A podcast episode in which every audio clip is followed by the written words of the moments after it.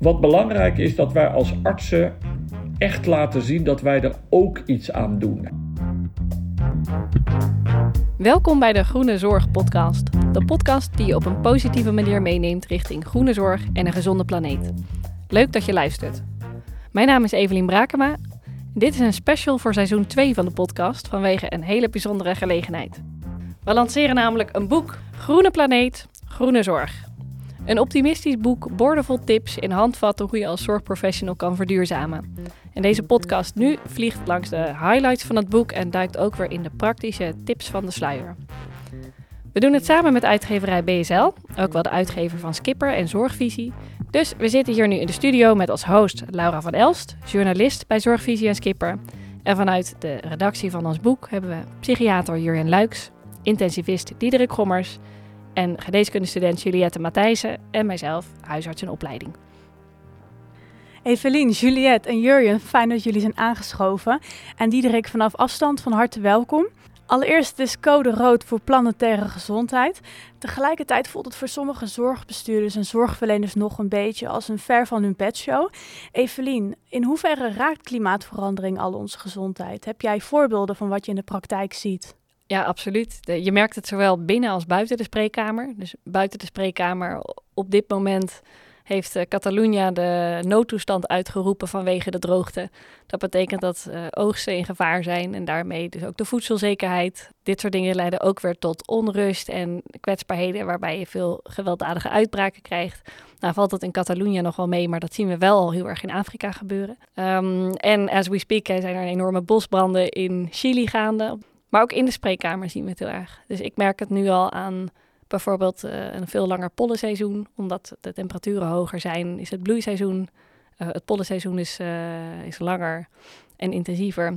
Dus veel meer hooikoortsklachten, meer astmaklachten. Merk het aan infectieziekten, dus meer zorgen rondom ziekte van Lyme. Bijvoorbeeld op mijn vak, psychiatrie, um, zijn er al aanwijzingen dat suicides, agressies zijn gerelateerd aan stijgende temperaturen. We hebben zelf ook onderzoek gedaan naar bijvoorbeeld gedwongen opnames in Nederland, ook gerelateerd aan hogere temperaturen. Eigenlijk, ja, indirect of direct raakt klimaatverandering gewoon alle gezondheidsuitkomsten. En daar krijgen we ook steeds meer mee te maken. Komt nu steeds dichterbij. Welke sleutelrol speelt de zorg?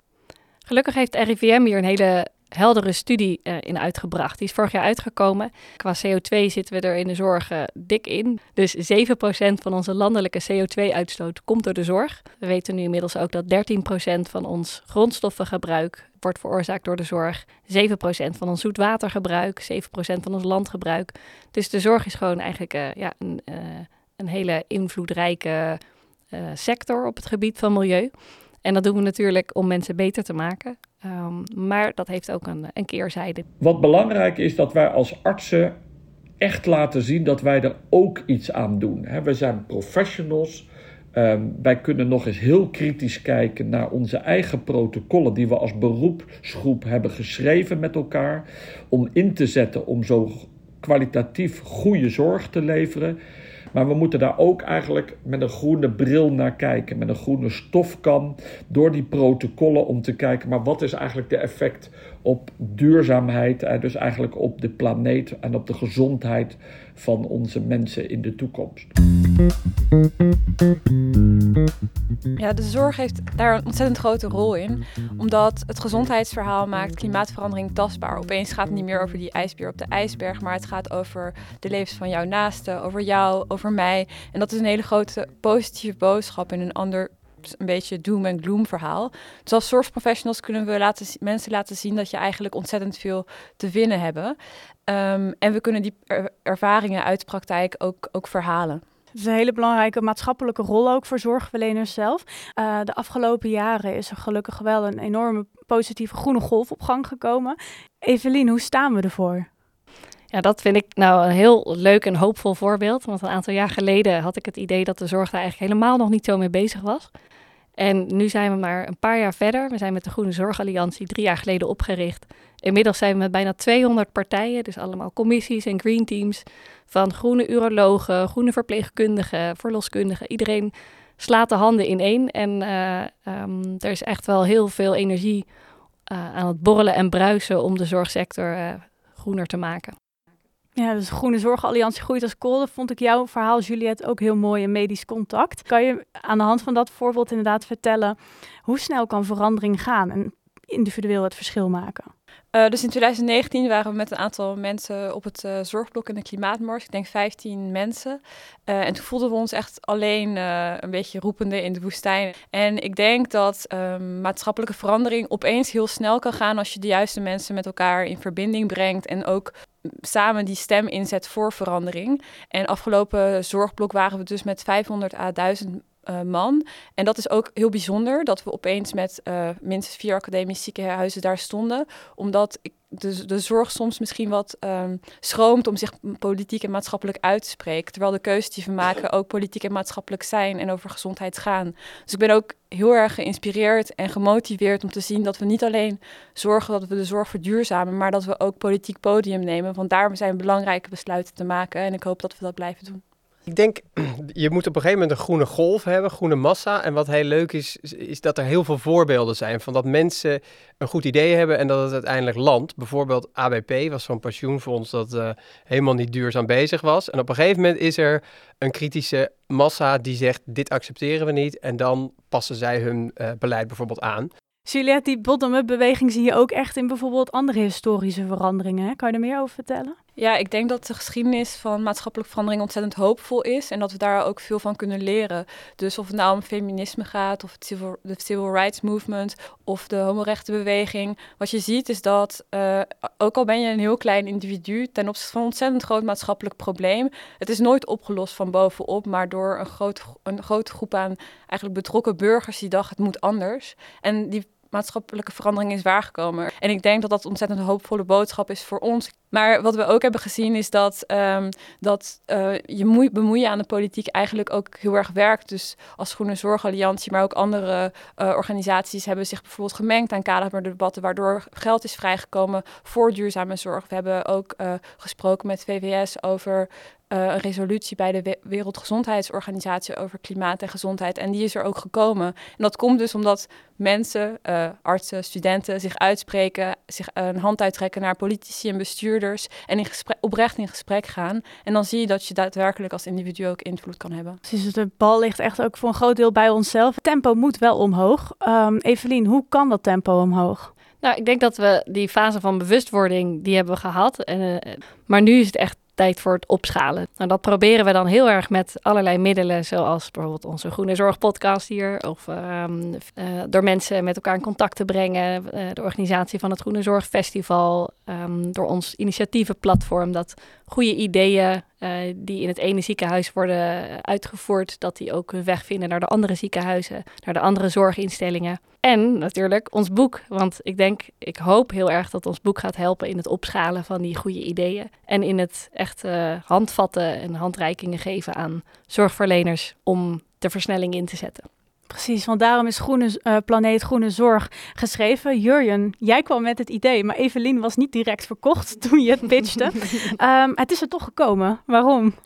Nou, niet alleen Evelien hoor. Er waren meerdere mensen, waaronder de uitgever van BSL, die toch reserves had. En dat kan ik me goed voorstellen, want het is een onderwerp dat supersnel verandert. Hè? Dus je denkt dan van ja, heeft het dan wel zin om iets te gaan beschrijven dat zo dynamisch is? En juist dacht ik van ja, dat is super belangrijk, want er zit in Nederland ontzettend veel expertise. Er zijn allerlei verschillende specialisten, beleidsmakers, weet ik veel wat, die bezig zijn met de zorg te verduurzamen. Natuurlijk is het zo dat veranderingen snel gaan. Daarom hebben we het boek overigens heel snel geschreven. We dachten, het moet niet te snel outdated worden. Maar toch heb je behoefte aan een een overzicht en het samenbrengen van al die kennis die er is, uh, zodat mensen ook in de, in de praktijk geïnspireerd raken. En dat was ook een van de hoofddoelen. het is ook echt in rap tempo is het verschenen. Nooit eerder bundelden zoveel experts op het gebied van duurzaamheid in de Nederlandse zorg hun krachten en kennis. In een vogelvlucht, hoe is het boek opgesteld? Ja, we dachten natuurlijk van, oh, hoe moeten we zo'n veelomvattend thema goed beschrijven? Hè? Dus de relatie tussen de planeet en onze zorg. Hè. Daar gaat het eigenlijk om als je het hebt over planetaire gezondheid. Een hoofdthema van het boek. Toen dachten we, nou, we hebben in Nederland een prachtige Green Deal duurzame zorg met vijf thema's. Die moeten in ieder geval een, een belangrijk hoofdstuk krijgen. Vervolgens dachten ja, dus, dat is natuurlijk niet het enige. Dus je moet, er zijn een aantal hele belangrijke aanpalende thema's. Zoals wat is je maatschappelijke rol als hulpverlener? Hoe doe je gedragsverandering? Uh, technologie is een heel, uh, heel belangrijk onderwerp.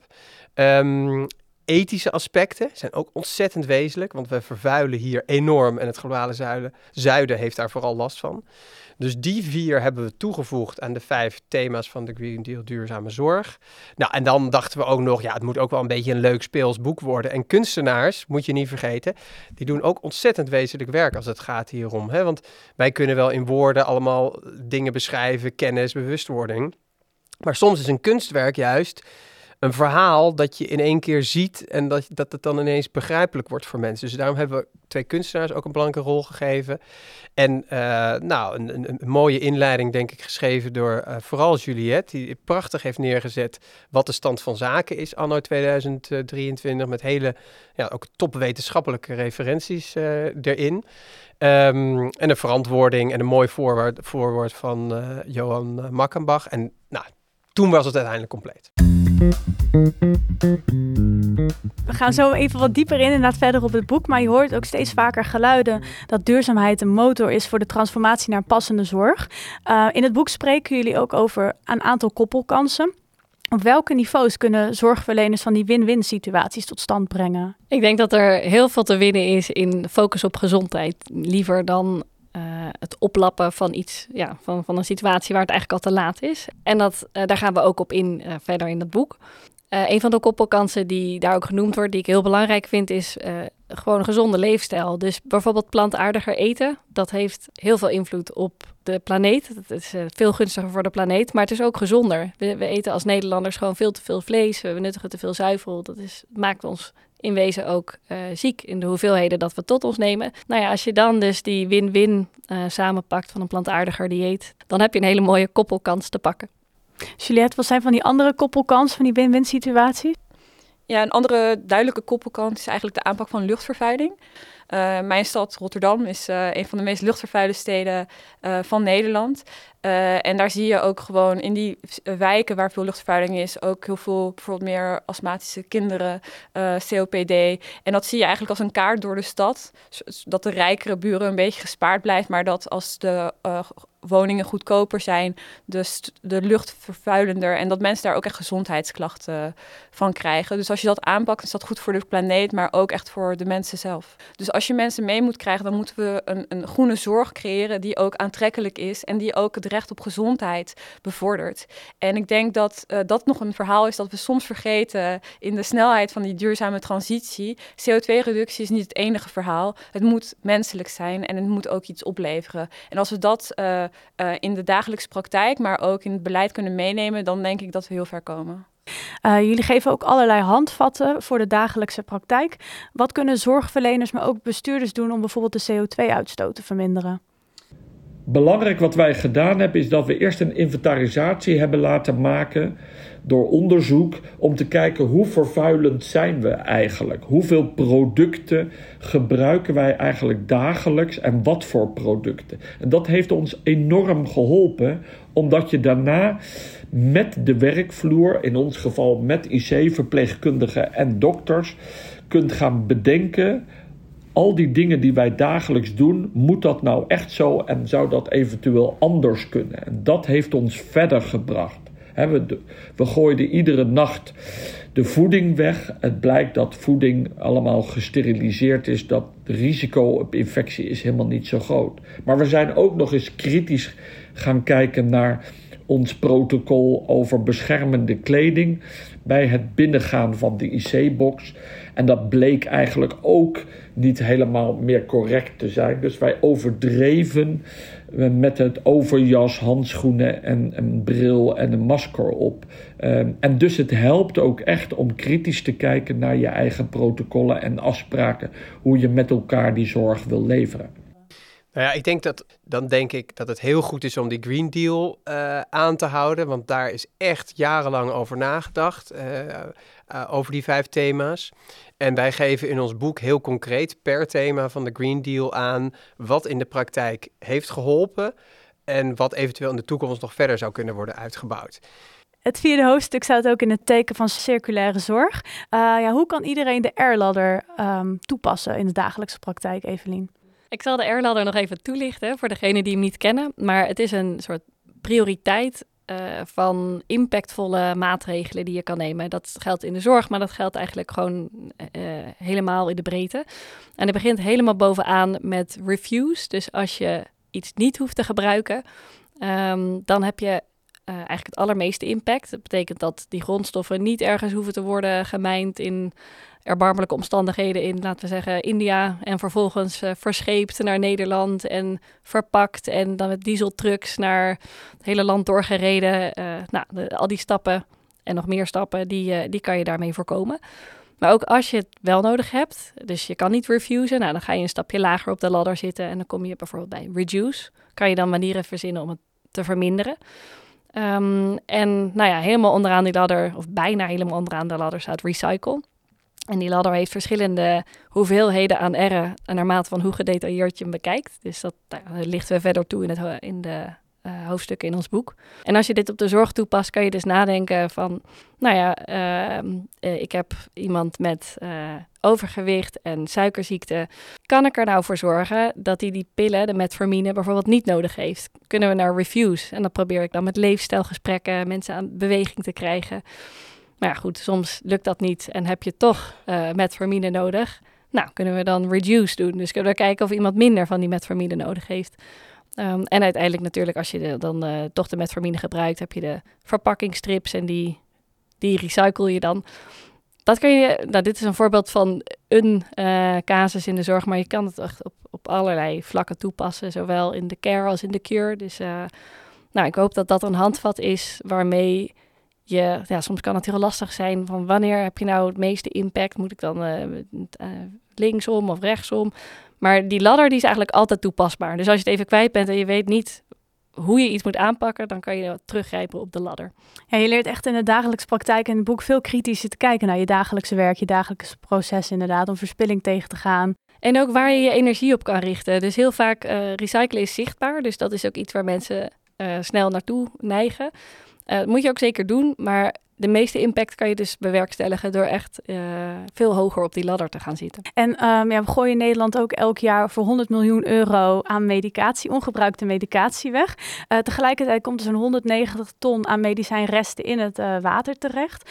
Wat kunnen we hieraan doen? Medicatieverspilling is echt een groot goed en die is heel belangrijk eigenlijk of belangrijk, heeft een negatieve bijdrage aan de, de duurzaamheid. Uh, en dus medicatie moet echt aandacht krijgen. En dus moeten wij als artsen kritisch zijn wat we voorschrijven, maar vooral ook hoe kunnen we de verspilling voorkomen. Dus niet uit gemak voorschriften te voorschrijven die te lang duren, langer dan de volgende polieafspraak of voor lange tijd. Want mocht dan een medicatieverandering optreden, dan wordt er eigenlijk veel medicatie weggegooid, omdat medicatie eigenlijk niet teruggebracht mag worden naar de apotheek. Maar ook op de intensive care moeten we erop letten. Dus we doen ook met elkaar ready-to-use medicatie in spuiten. Wat is onze verspilling? Um, en wat kunnen we daaraan minimaliseren? Dus het heeft echt onze aandacht, maar dat moet je ook met het hele team doen. Ik heb er zelf ook onderzoek naar gedaan voor psychofarmaca bijvoorbeeld. Hè? En dan zie je inderdaad best wel hoge concentraties van allerlei medicijnen die mensen gebruiken voor psychiatrische aandoeningen. Ja, weet je, het, is, het, het begint denk ik voor een heel groot deel bij passende zorg. En kijken hoe je daar zowel in de spreekkamer als arts informatie over de patiënt aan de patiënt kan geven. Hoe zorg je ervoor als je medicatie op uh, als je medicatie niet meer gebruikt, maar je hebt thuis nog strips, wat doe je daarmee? Als op beleidsniveau dat we echt gaan nadenken en investeren in wetenschappelijk onderzoek om toe te gaan naar zoveel mogelijk passende zorg. Hergebruik van medicatie. In het Radboud bijvoorbeeld zijn prachtige initiatieven. Dat gewoon apothekers op de werkvloer dachten... we gaan het eens allemaal even wat, wat meer hergebruiken. We gaan zorgvuldiger om. En je bespaart het ziekenhuis uh, verschillende tonnen... en heel veel uh, medicatieafval wordt niet geproduceerd. Dus ik denk, er zijn prachtige initiatieven... laten we elkaar vooral inspireren. Leuk is dat we inderdaad heel veel van dit soort initiatieven ook hebben gebundeld. Dus die kun je nogmaals op dat platform vinden van de Groene Zorgalliantie. Gewoon op de website www.groenezorgalliantie.nl. Dus schaamteloze reclame, maar voor het goede doel. Ze verdient er niks mee hoor. nee, helaas niet. Maar ehm, ja, ga dus niet zelf het wiel uitvinden, want er bestaat al heel erg veel. En uh, deel dat met elkaar, zodat we echt een versnelling in kunnen zetten. Precies, er wordt echt ontzettend veel opgenoemd. De lezer wordt niet alleen een paar uurtjes op optimistische wijze gepraat over planetaire gezondheid, maar het gaat ook over vaardigheden zoals storytelling en anderen meekrijgen. Juliette, welke opdracht krijgen de lezers? Ja, je moet inderdaad mensen uiteindelijk mee kunnen krijgen. En ik denk de vraag is, uh, hoe, hoe raak je mensen? Uh, en wat daar zijn een paar dingen belangrijk in. Enerzijds dat je goed weet waar jij staat, wat jou raakt. En vaak als je bij jezelf begint, waar, waarom jij er zo uh, op aanslaat en waarom die klimaatcrisis zo belangrijk is. Als je dat aan je collega oprecht kan vertellen, uh, dan is dat ook een begin van een oprecht gesprek. En uh, het andere is denk ik dat je heel veel kan winnen door ja, een open houding te hebben en elkaar proberen te begrijpen. En door door te vragen, ontknoop je soms iemands gedachten. Dus het brengt ook echt het gesprek op gang en is als het ware ook een spiegel gelijk als je het boek leest. Ja, we gaan daar ook in de, heel specifiek met één hoofdstuk op. Uh, ja, hoe krijg je mensen mee in dit uh, hele complexe verhaal? En um, ook in de klimaatrechtvaardigheid. Hoe verhoud je je daar nu uh, naar? Want ja, het kan een heel groot en soms verlammend onderwerp zijn. Dus we proberen echt in die hoofdstukken ook handvatten te geven om, om een eigen positie te bepalen en om daar aanstekelijk in te zijn. En Kati van Beek die noemde vanmorgen, je wil niet de groene kousenkerk zijn, maar je wil juist uh, mensen inspireren en laten ervaren dat het ook een heel mooi en uh, hoopvol verhaal is. En dat is ook echt de toon die we hebben proberen te zetten met het boek van, ja, hoeveel plezier je eraan kan beleven om dit samen met collega's om je heen en met het hele werkveld te doen. Ja, en ik denk ook om te laten zien dat veel ideeën op de werkvloer geboren worden. Dus vooral ook ja, zijn er misschien mensen die andere ideeën krijgen, die in een versie 2.0 bijvoorbeeld terecht kunnen komen. Dus we pretenderen ook niet alles te weten, weet je. Het is een zich ontwikkelend veld. Dus we hopen ook dat mensen misschien op hele andere ideeën komen hoe ze de zorg kunnen verduurzamen. Precies, met zeker een aanmoediging van je bent niet de enige, je bent ook niet de eerste. Um, en van wie het boek koopt, die helpt niet alleen zichzelf. Um, wat gebeurt er met de opbrengst van het boek, Jurje? Ja, daar hebben we een tijd over um, gediscussieerd. Dat we dachten, nou, wat gaan we er nou precies mee doen? Um, maar uiteindelijk dachten we van, nou, we vinden het heel belangrijk om de Groene Zorgalliantie natuurlijk te, te steunen. Uh, Juliette en ik natuurlijk niet tegen zijn. Nee, dus we hebben dat idee helemaal om, omarmd. Ja, precies. uh, en een ander deel vonden we Urgenda, vonden we een hele mooie organisatie, omdat we ook heel erg geloven in dat je um, met, met recht en, en zelf dingen aankaarten uiteindelijk op hoger niveau, met als rechtszaken bijvoorbeeld, dat je echt wat gedaan kan krijgen. Um, en als laatste vonden we het ook leuk om iets tastbaars achter te laten. Dus we uh, gaan een aantal bomen planten en we hopen dat er op een gegeven moment dan een groene planeet, uh, groene zorg, uh, bos herrijst, verrijst ergens. Wat is tot slot jullie take-home message voor de luisteraar nu? Belangrijk wat ik wil meegeven is dat je, als je praat over duurzaamheid, zou je eigenlijk hele grote stappen willen maken. Maar dat ligt vaak bij politici, bij bestuurders. En dan stop je er eigenlijk zelf mee. Maar elk klein steentje heeft een bijdrage. Dus ik vind vooral dat je moet kijken wat kan jij doen en waar kan je morgen of liefst vandaag nog mee beginnen. En doe het dan. En dat is het. Dus stel het niet uit, maar doe het. Probeer het. En ben trots daarop en maak dan ook uh, leuke feestjes of goede terugkoppeling wat jou met elkaar is gelukt. Dus wat hebben jullie kunnen bereiken als team? Nou, het goede nieuws van de transitie is eigenlijk dat we iedereen nodig hebben. Dus het maakt niet zoveel uit uh, wat je, waar je ontzettend goed in bent of waar je van aanslaat. Of je nou een superwetenschapper bent of een rebel en graag op de A12 staat. Of dat je heel goed kan onderhandelen. Al die kwaliteiten hebben we nodig en daar kunnen we ontzettend van leren van elkaar. Dus ik hoop dat mensen zich aangesproken voelen, uh, wat er in het boek staat, uh, kunnen meenemen. Maar ook daar weer nieuwe dingen uit uh, kunnen krijgen. En dus precies die vraag beantwoorden. Waar ben ik goed in? wat vind ik leuk en hoe kan ik bijdragen aan de groene transitie?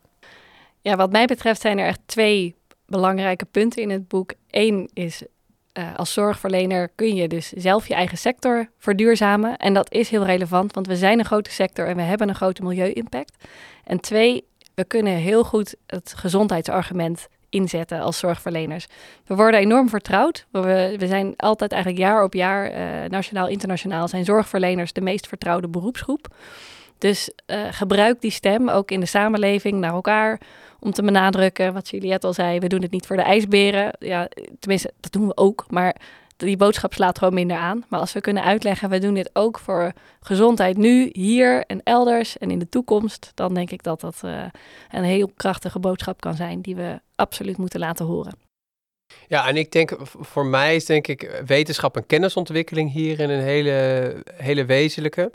En tenslotte ook nog denk ik van dat het heel belangrijk is te benadrukken. Dit boek is goed leesbaar, hopen we, in een paar uurtjes. Niet alleen voor zorgverleners. Want we hebben in de zorg een focus op onze zorg en zorgverleners, beleidsmakers binnen de zorg. Maar zoals je al ziet met bijvoorbeeld pensioenfondsen, het gaat ook buiten de zorg. Dus we hebben ook echt mensen van buiten de zorg nodig, die hopelijk dit boek lezen, die ons aangeven wat ze eventueel gemist hebben, wat ze zelf voor een ideeën krijgen, zodat we ja, hopelijk nog groter of nog gezamenlijker deze um, taak um, op ons kunnen nemen. En tenslotte zou ik ook nog heel graag alle auteurs willen bedanken van dit boek. Want nou ja, wij zaten al een beetje te grappen dat we dit gratis hebben gedaan. Maar zij hebben uh, ook gewoon helemaal vrijwillig die hoofdstukken geschreven in hun eigen tijd. En daar heeft heel veel tijd in gezeten. En daar hebben we ook een uh, hele korte deadlines voor gegeven.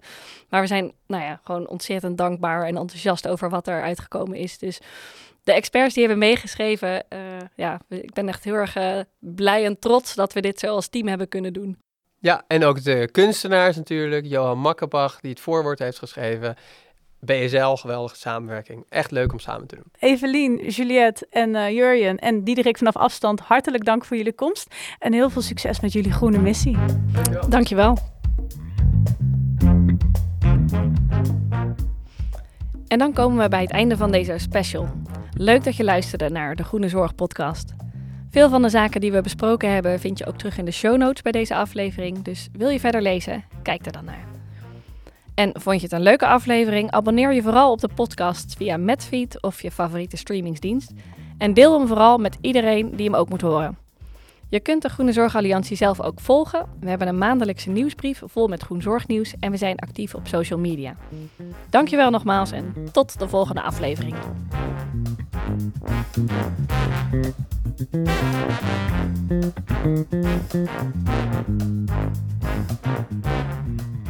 you.